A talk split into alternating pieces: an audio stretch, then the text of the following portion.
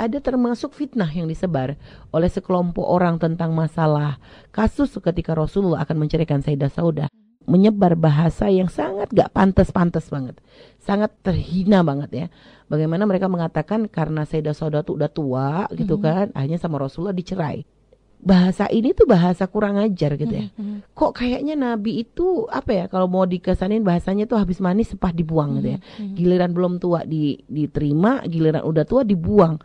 Kalau emang kayak begitu Nabi mungkin dulu pernah melakukan itu juga kepada Sayyidah Khadijah. Mm -hmm. Tapi enggak juga gitu. Sayyidah Khadijah bahkan lebih tua 15 tahun dari Nabi. Mm -hmm. Nabi gak berbuat seperti itu gitu loh. Yeah. Jadi memang bukan masalah tuanya beliau, hmm. hanya memang efek dari faktor usia beliau itu menjadikan beliau itu tidak mampu menjalankan kewajiban sebagai seorang istri. Hmm. Dan Nabi itu Nabi yang punya rahmat, punya kasih sayang luar biasa, hmm. nggak tega membebani Sayyidah Sauda dengan tugas sebagai seorang istri. Hmm. hmm. Karena satu sih kalau masih menjadi istri ya wajib dong menjalankan kewajiban dan sebagainya. Hmm. Dan Rasulullah pun wajib memberikan nafkah, dohir batin. Hmm. Nah, tapi satu sisi kalau ternyata Sayyidah Saudahnya gak sanggup, hmm. Nabi pun tidak akan mungkin memaksakan. Oh, iya.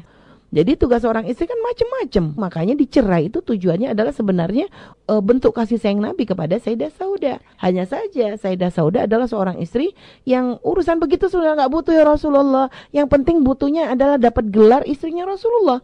Pengen dibangkitkan nanti di akhirat dengan gelar istri Rasulullah. Hmm. Itu yang diharapkan oleh Sayyidah Sauda.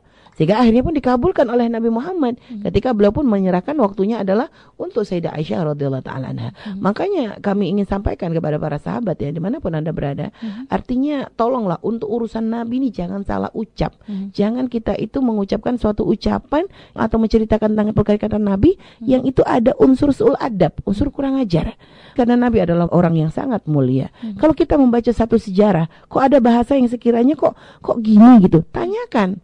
Jangan langsung enak langsung Anda berbagi padahal Anda belum ngecek gitu loh. Belum ngecek kebenarannya.